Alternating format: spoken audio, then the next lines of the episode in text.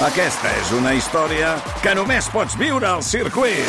24, 25 i 26 de maig. Gran premi Monster Energy de MotoGP al circuit de Barcelona, Catalunya. Compra ja les teves entrades a circuit.cat. Viu-ho!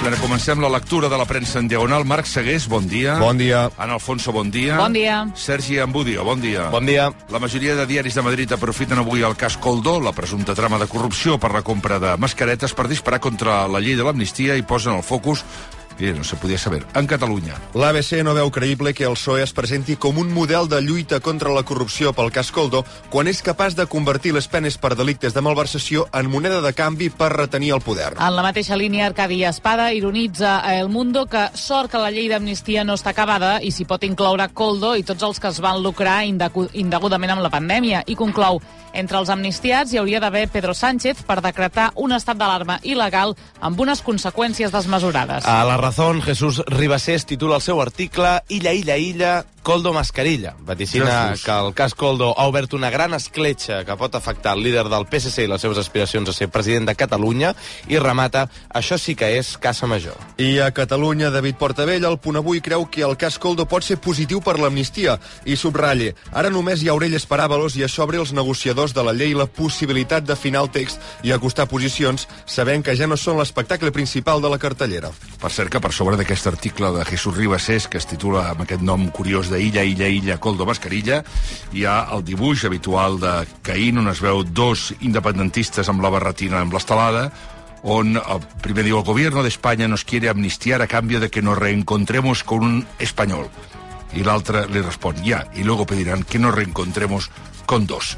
L'amnistia no és l'única que està al centre de la diana pel Cascoldo, també hi ha mitjans de comunicació que creuen que el gran perjudicat de tot plegat és el PSOE i, concretament, Pedro Sánchez. Sí, a l'avantguàrdia, Josep Martí apunta que Ábalos desafia tothom des d'un paper que no li escau gens, però que executa amb un encert més que notable, la víctima innocent que va venir al món ahir. I afegeix que per al PSOE el balanç de danys ja és més que considerable. El periòdico Joan Tàpia diu que el cas Coldo obre una esquerda en la credibilitat de Sánchez, bàsicament perquè Ábalos era un home de la seva total confiança i l'editorial del diari ja parla de la crisi més greu al PSOE des que Pedro Sánchez va recuperar el lideratge el 2017. El nacional José Antic diu em conste que dirigents socialistes amb més experiència no deixen d'enviar missatges a Sánchez amb el mantra tanca-ho com sigui, però tanca-ho. Diuen que cal estabilitzar la legislatura perquè si no estan morts. L'editorial de l'Espanyol afirma que la Moncloa s'equivoca si creu que amb la sortida d'Àvalos l'escàndol no s'estendrà i apunta que la responsabilitat de l'exministre de Foment és evident, com la de Francina Armengol i el ministre Ángel Víctor Torres. I el confidencial Javier Caraballo dispara directament contra Pedro Sánchez, diu que l'expulsió d'Avalos i l'aprovació de l'amnistia tenen un únic objectiu compartit, que és la seva supervivència. I encara sobre el cas Coldo, quines cartes al director ens han cridat l'atenció avui? Primer, la que escriu Àlex Ferrer a La Vanguardia. Explica que el novembre del 2020 va enviar un correu electrònic a totes les conselleries de Sanitat i al Ministeri escandalitzat perquè el govern espanyol estava comprant els testos a 5 euros i que ell, un inexpert intermediari, els podia aconseguir sense esforç per 3 dòlars i mig. Ni una sola administració en va respondre ni per preguntar res, exclame. I conclou, és vergonyós aquest nivell de governants. Així, què pot sortir bé? I també escriu Francisco Javier López una carta a la directora del País carregant contra el PSOE i el PP. Els critica per competir per qui és menys corrupte i conclou si Europa ens digués què pensa de la nostra saborosa corrupció i del ranci sistema judicial ens bloquejarien fins a la Next Generation.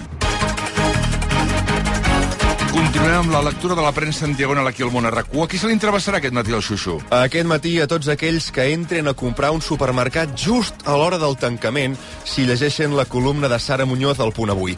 Diu que malgrat que tots tenim 720 minuts per fer la compra cada dia, hi ha autèntics especialistes a donar pel sac quan els damnificats només pensen en la retirada. A aquesta gent escriu li importa un rave si la màquina ja està ben neta i a punt per la jornada següent o si la dependenta acumula una llarga jornada laboral i té més que guanyat el descans. I conclou, és incapaç de posar-se a la pell dels altres, però es col·loca cada matí el seu rellotge per controlar que no regala ni un minut a l'empresa on treballa.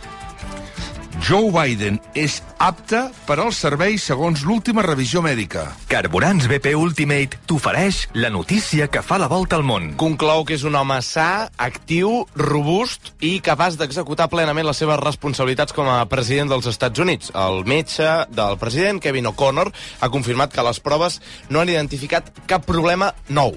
Joe Biden, de 81 anys, continua caminant, això sí, amb rigidesa per culpa de l'artrosi, que no ha empitjorat. El president també dorm amb màscara de ventilació per tractar l'apnea del son i també té una neuropatia perifèrica als dos peus, reflux gastroesofàgic, al·lèrgies i artritis espinal que es tracten amb medicaments. L'informe, però, no aborda específicament la salut cognitiva o de memòria del president dels Estats Units. En aquest sentit, el Wall Street Journal ja destaca que l'informe només ofereix una visió parcial de la seva salut. També se'n fan ressò aquest matí mitjans com el The Guardian o el Der Spiegel. I ara demana un desig. Últimament em demanen molt ser de Mi BP perquè així sempre pots tenir a mà la targeta virtual a la teva app Mi BP, consultar els teus saldos, ofertes i promocions... No, si jo ja sóc de BP. Ah, d'acord, doncs llavors no sé què més pots demanar. Un cotxe... Si tu també vols demanar un desig, descarrega l'app Mi BP i aconsegueix aquests avantatges i molts més. Mònica Usar, bon dia. Bon dia. Els peixos perden pes a causa del canvi climàtic. Segons un estudi fet per la Universitat de Tòquio, el pes dels peixos en punts de l'oceà Pacífic ha disminuït des del 2010. El canvi climàtic fa que l'aigua superficial sigui cada cop més càlida i que l'aigua freda, que té més nutrients, no pugui pujar tan fàcilment. Això fa que el subministrament d'aliments sigui menor. Tot plegat té un gran impacte a la pesca, per exemple, del Japó. L'anàlisi s'ha fet per 13 espècies diferents. Fàtima Ortí, bon dia. Bon dia. Menjar ultraprocessats augmenta el risc de mort prematura. Sí, ho confirma un macroestudi internacional publicat a la British Medical Journal que també apunta que els aliments ultraprocessats estan relacionats amb la causa de fins a una trentena d'efectes perjudicials per la salut. Per exemple, càncer, diabetis, malalties cardíaques i trastorns mentals. Ho llegim a The Guardian. A veure què passa avui amb la Taylor Swift. Un museu de Londres vol contractar el major fan de la cantant. El Museu Victorian Albert està buscant assessors per estudiar la cultura dels fanàtics en general i el fenomen Swift en particular. El museu vol conèixer fins a l'últim detall de la seva trajectòria, amb la vista posada en el 17 d'agost, quan la gira de l'artista, The Eras Tour, farà parada a la ciutat. Ho trobem a la BBC. Pesats. El bitcoin disparat cap al seu màxim històric. Santanderesmusic.com t'ofereix la notícia econòmica. En les últimes hores, la criptomoneda de referència mundial ha superat els 60.000 dòlars. No ho feia des del novembre del 2021. Precisament aquell mateix mes va fregar els 69.000 dòlars, la xifra més alta que ha assolit mai. En aquest 2024, el bitcoin ha augmentat de valor un 40% i és per això que els analistes no descarten un nou rècord aviat. Ho llegim als 5 dies. Quan alguna cosa t'agrada molt, saltes. Salta amb el Santander a descomptes en festivals i concerts. A prevenda exclusiva d'entrades i a meet and greet amb artistes. Només per ser del Santander. Viu la cultura i el millor contingut musical a santanderesmusic.com. Salta amb el Santander. Santander, per tu, els primers. I què hem trobat a TikTok a tres quarts de vuit clavats del matí? Una visita turística per la capital. Cuna del modernismo y del pan tumaca, es la auténtica ciudad motomami y la favorita de Vicky y Cristina. Hoy, en Callejeros Venjeros, Barcelona. Òbviament sense saltar-se cap atracció turística.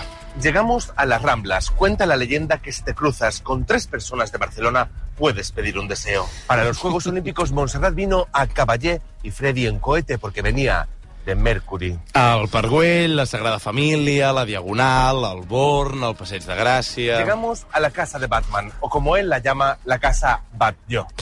Podeu veure el vídeo sencer al perfil de TikTok Benja Serra. Benja Serra, que té alguna cosa a veure amb Glòria Serra, potser, perquè fa el mateix to de veu que ella. Fa paròdia, fa paròdia. Ja, ja. Gràcies, molt amable. molt amable comentari. Premsa esportiva, Albert Pedrol, bon dia. Bon dia. Assistència sanitària. La dels metges patrocina aquesta secció. El Barça s'interessa per un exjugador de l'Espanyol. Sí, es tracta de Mario Hermoso, l'actual defensa de l'Atlètic de Madrid queda lliure a final de temporada i segons Mundo Deportivo està donant llargues a l'Atlètic de Madrid per renovar. Ara té 28 anys, recorregut per endavant i el Barça el té molt en compte, sobretot si arribés una gran oferta per Alejandro Valde. I un futbolista es grava conduint vora els 200 km per hora i ho penja a Instagram, el burro. Sí, es tracta de l'estrella de l'Alcorcón, Diego Sousa. Ha filmat un vídeo a dins d'un Lamborghini en una carretera on la velocitat màxima permesa és de 120 km per hora. Doncs bé, en el vídeo es veu com Sousa condueix a 188. Tot i això, la policia de la ciutat madrilenya se'n renta les mans perquè les imatges estan gravades a Portugal. De quina asseguradora mèdica ets? Jo? De la dels metges. De la dels metges, és clar. Som de la dels metges. Assistència sanitària. Creada, gestionada, dirigida i recomanada per metges. Assistència sanitària. La dels metges. La notícia fric. Lloguer segur. Sempre al teu costat. Patrocina aquest espai. Jordi Somell, bon dia. Bon dia. Una parella de Kentucky es casa al lavabo d'homes d'una gasolinera. La novia treballa Vaja. a la botiga de l'estació de servei i deia que volia un casament diferent, res de la típica capella. Doncs bé, el que la va fer decidir pel lavabo de la gasolinera és que ara incorporen un botó vermell que quan el prems el lavabo s'il·lumina com si fos una discoteca i sona música de ball. Es van casar per Sant Valentí, això sí. Ja. On ja Salmó aquest matí? A Veritatis on llegim que la infanta Helena i Jaime de Marichalar han donat el vistiplau perquè la seva filla Victoria Federica participi al concurs televisiu El Desafío d'Antena 3. Home, ja m'ho imaginava, eh? Vanitatis revela algunes de les condicions que va posar, mantenir-se al marge de qüestions que afectin la família reial, encara que siguin d'actualitat, no aparèixer amb un vestuari que no vagi amb els seus gustos o mostrar una imatge sensual. Vanitatis també assegura que el rei emèrit i la reina Sofia coneixien la proposta i tampoc s'hi van mostrar en desacord. M'estranya molt. M'estranya molt, perquè amb lo conservadors que que són, m'estranya molt. També et dic que potser és per endolcir la imatge de la Casa Reial, perquè és que si no, no, no ho acabo d'entendre. Bueno, avui, que avui, avui Sant Romà, i és l'aniversari de... El jugador de futbol Ferran Torres, que fa 24 anys, el president del govern espanyol, Pedro Sánchez, 52, i el músic Jalet, fa 64 anys. I el nacional cunyadisme de Xavi Norriguis a Instagram, avui cunyadisme d'esports de cap de setmana, amb la frase... Vindrem tard a dinar, en Jan té partit a Ripollet. L'averia del cotxe, la universitat de l'Anna... No sé com arribaré a final de mes. Tranquil. Si llogues el teu pis amb lloguer segur, pots sol·licitar l'avançament de fins a 3 anys de renda per fer front a imprevistos econòmics o nous projectes. Informa't a lloguersegur.cat o al 910 775 775. Lloguer segur, la revolució del lloguer. I quina contraportada no ens podem perdre avui en Factor Energia, Marc? La del País que conversa amb el periodista i guionista Pedro Bravo. Publica el llibre Silencio, manifiestos contra el ruido, la inquietud i la prisa, on reflexiona i convida a parlar menys i a escoltar més. Diu que el que més ens costa és la quietud i el silenci. Avui dia, si estàs callat, sembla que molestes, afirme, i comenta que les xarxes socials i l'evolució del model econòmic ens ha portat a ser cada cop més individualistes. Ara som milers de milions de jos incapaços d'escoltar i mirant de sobresortir uns per sobre dels altres.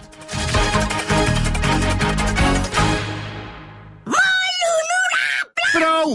Salteu-vos al meu càrrec i parleu directament amb l'administrador. Parla amb l'administrador de la teva comunitat de veïns per fer una instal·lació d'autoconsum. Ningú en sap més que ell. Per fi hi ha un altre llum. Factor Energia. Empresa col·laboradora amb l'esdeveniment Barcelona Question Challenge.